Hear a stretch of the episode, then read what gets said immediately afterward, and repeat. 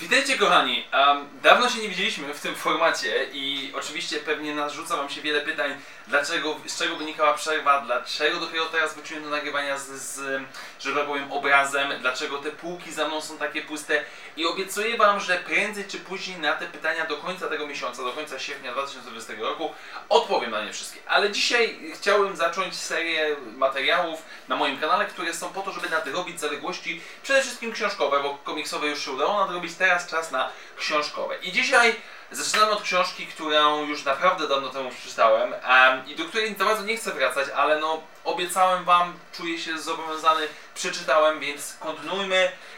Książkowe wydanie epizodu 9.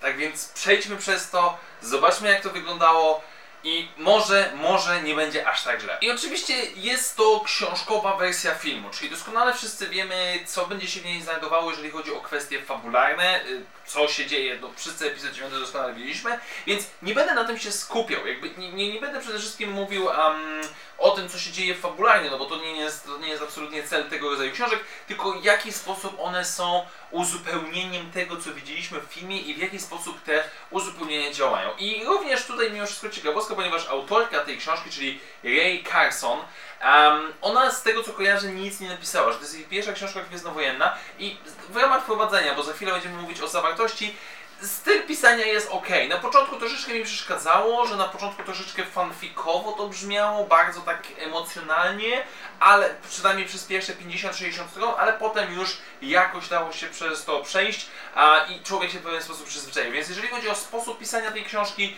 nie jest ona w żaden sposób szałowa. I dzisiejsze podejście do omawiania chciałem em, podzielić na trzy główne części. Znaczy całą książkę chciałem podzielić na trzy główne części i oczywiście na samym końcu podsumowanie. I nie będę oszukiwał absolutnie, czytanie tej książki nie było zbytnio przyjemną rzeczą dla mnie ze względu na, na to, jak oddziałuje na mnie epizod 9.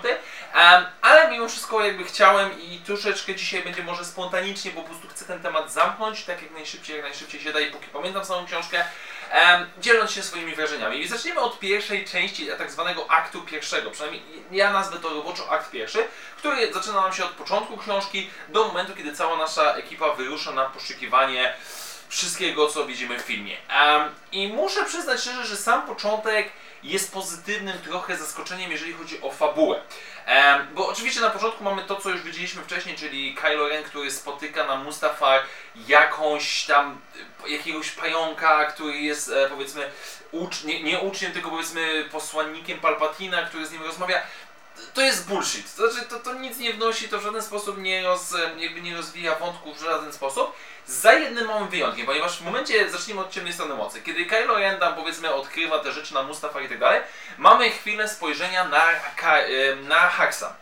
Na Haxa, który przynajmniej przez tę jedną, dwie strony tej książki był taki, jakim chciałbym go widzieć w epizodzie 9 spiskującym, knowającym, kombinującym. On doskonale sobie zdaje sprawę podczas swojego wewnętrznego monologu, że no nie jest w stanie w bezpośredniej konfrontacji zadziałać z Kylo Renem, czy też wygrać z Kylo Renem, więc próbuje, więc kombinuje, szuka swojej roli, szuka swojego sposobu i stara się stworzyć wrażenie postaci, która jest y, posłuszna, która jakby jest uległa i tak dalej. I to jest coś, co ja bardzo chciałem widzieć w epizodzie 9 w postaci Kyle, e, Haxa, bo to naprawdę jeszcze dało się wyciągnąć po epizodzie 8 i naprawdę zgrywałoby się. No dostaliśmy generała Pride'a, no Hax wiadomo jak skończył, tak skończył. Ale jest, jest powiedzmy gdzieś tam jeden ten fragment w książce, gdzie rzeczywiście ten Hax jest rozbudowany.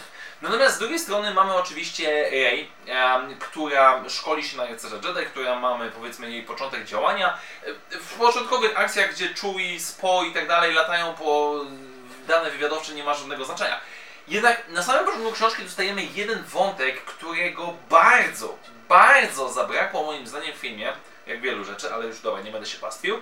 I w książce jest bardzo fajnie podkreślone, że Rey, mimo tego, że no wie po której stronie ma stać, czyli po stronie jasności, jest zagubiona, jest samotna, bo nie czuje się członkinią rodziny, jaką jest Resistance. Jakby bardzo mocno jest tutaj zaznaczone, że ona z jednej strony odczuwa brak Luka Skywalkera, że no dobra, Leia mnie uczy, ale Leia nie jest mistrzynią Jedi, przynajmniej nie była taką jak Luke Skywalker.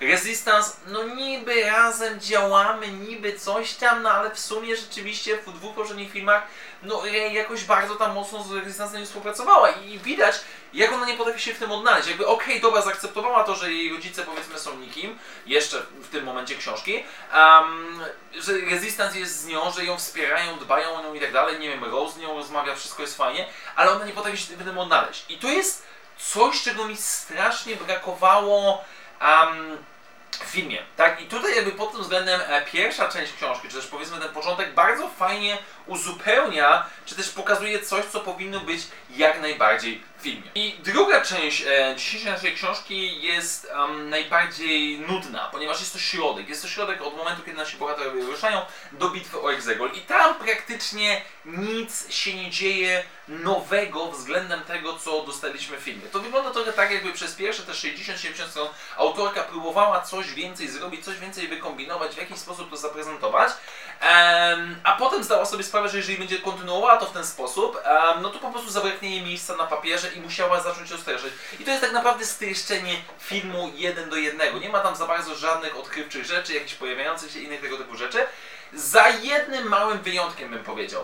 Em, jakkolwiek nie jestem zwolennikiem e, tej decyzji fabularnej, jaka zapadła, co coraz bardziej przekonuje mnie, znaczy nie kupuję tego finalnie, ale podoba mi się coraz bardziej sposób, w jaki została zrealizowana przemiana Bena, e, znaczy Kylo Rena w Bena Solo z powrotem, bo no mówię, ja dla mnie Kylo Ren powinien zginąć jako zły, ale jeżeli już dostaliśmy takie coś, to książka ugruntowuje mnie w tym przekonaniu, że rzeczywiście zostało to dobrze zrobione. Jakby książka podkreśla to, że Kylo Ren był zaskoczony, że po raz pierwszy może nie teraz pierwszy, nie, nie to, że po raz pierwszy ktoś się nim za, o, o niego zamartwił, zaopiekował, tylko bardziej mi chodzi o to, że po raz pierwszy uświadomił sobie, no bo skoro Rey, która wycierpiała z jego, z jego rąk, tak, która, która powiedzmy powinna dawno go skreślić, ona starała się mu pomóc, uratować go, Em, no to jest rzecz, która jakby go odmienia i rzeczywiście w książce spotkanie z Hanem Solo no dowodowuje. Jakby okej, no, no mówię, no, wiem, że to brzmi paradoksalnie, ale sposób, w jaki zostało to zrealizowane, okej, przekonuje mnie, ale ostatecznie to, że Kylo Ren stał się dobry, no nadal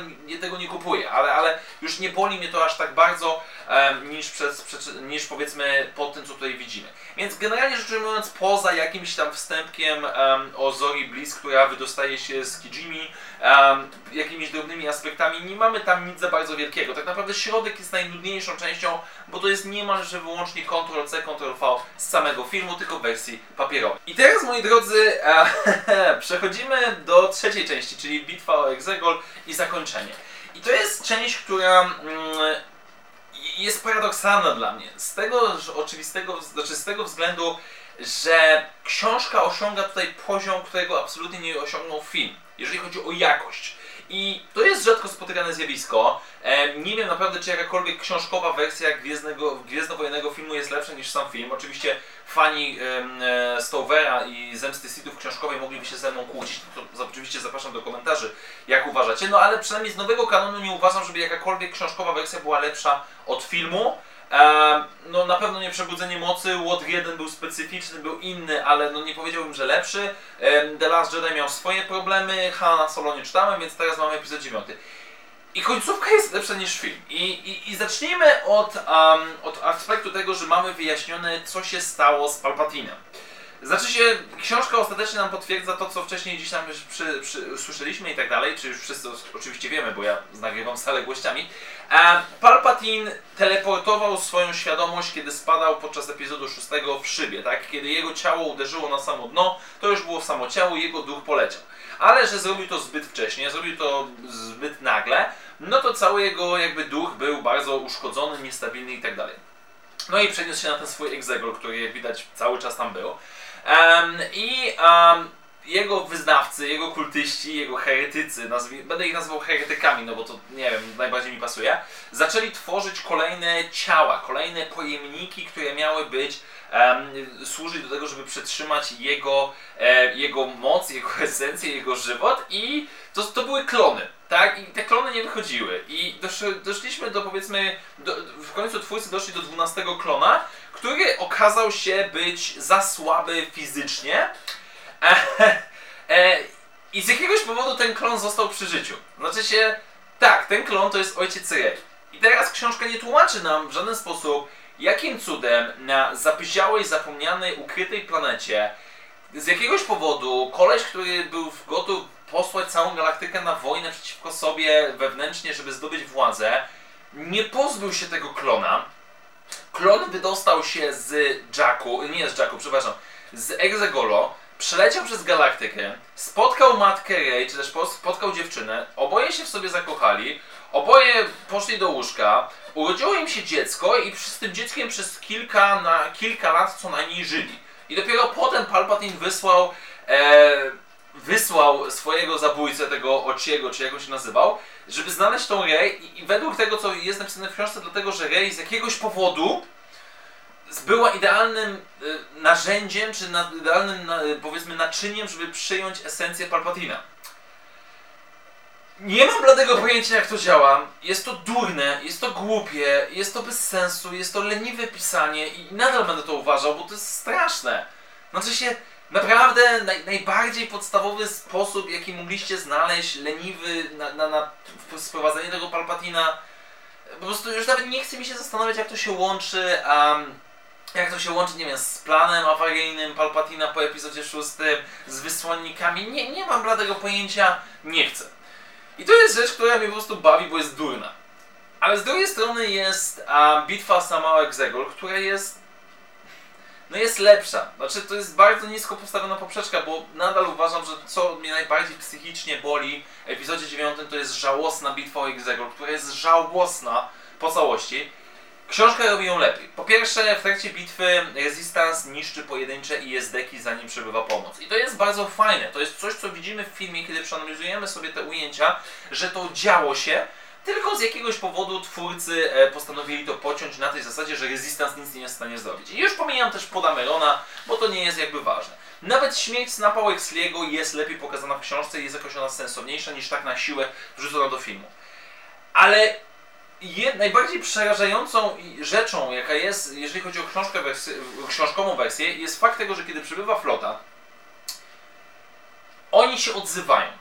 Mamy, mamy najbardziej prosty zabieg fanserwisowy, jaki można zaserwować w filmach czy w produktach ogólnie gwiezdnowojennych. Bo odzywają nam się. Odzywa nam się Kazuda z Jono z Resistance'u. Odzywa nam się córka Aiden Versio z Inferno Squad. Odzywa nam się Hera Syndulla. Nieważne, że... Nieważne, czy ją lubię, czy nie, ale się pojawia. Odzywa się ktoś, kto nazywa się em, Alphabet 2, czyli może to są jakieś pozostałości eskadry, eskadry Abecado, tak? Alphabet Squadron. I wiecie co? I i przeraża mnie fakt tego, że tak banalne zagranie, tak oczywiste zagranie, które powinno przyjść momentalnie do głowy twórcy filmowemu, pojawia się dopiero w książce. I jakby głupio się czuję, ciesząc się z tym, że taki aspekt jest w książce, bo to jest tak oczywista rzecz, to jest najbardziej tani fanserwis, jaki można było zrobić. To jest na poziomie Pondy Baby w Łotrze 1.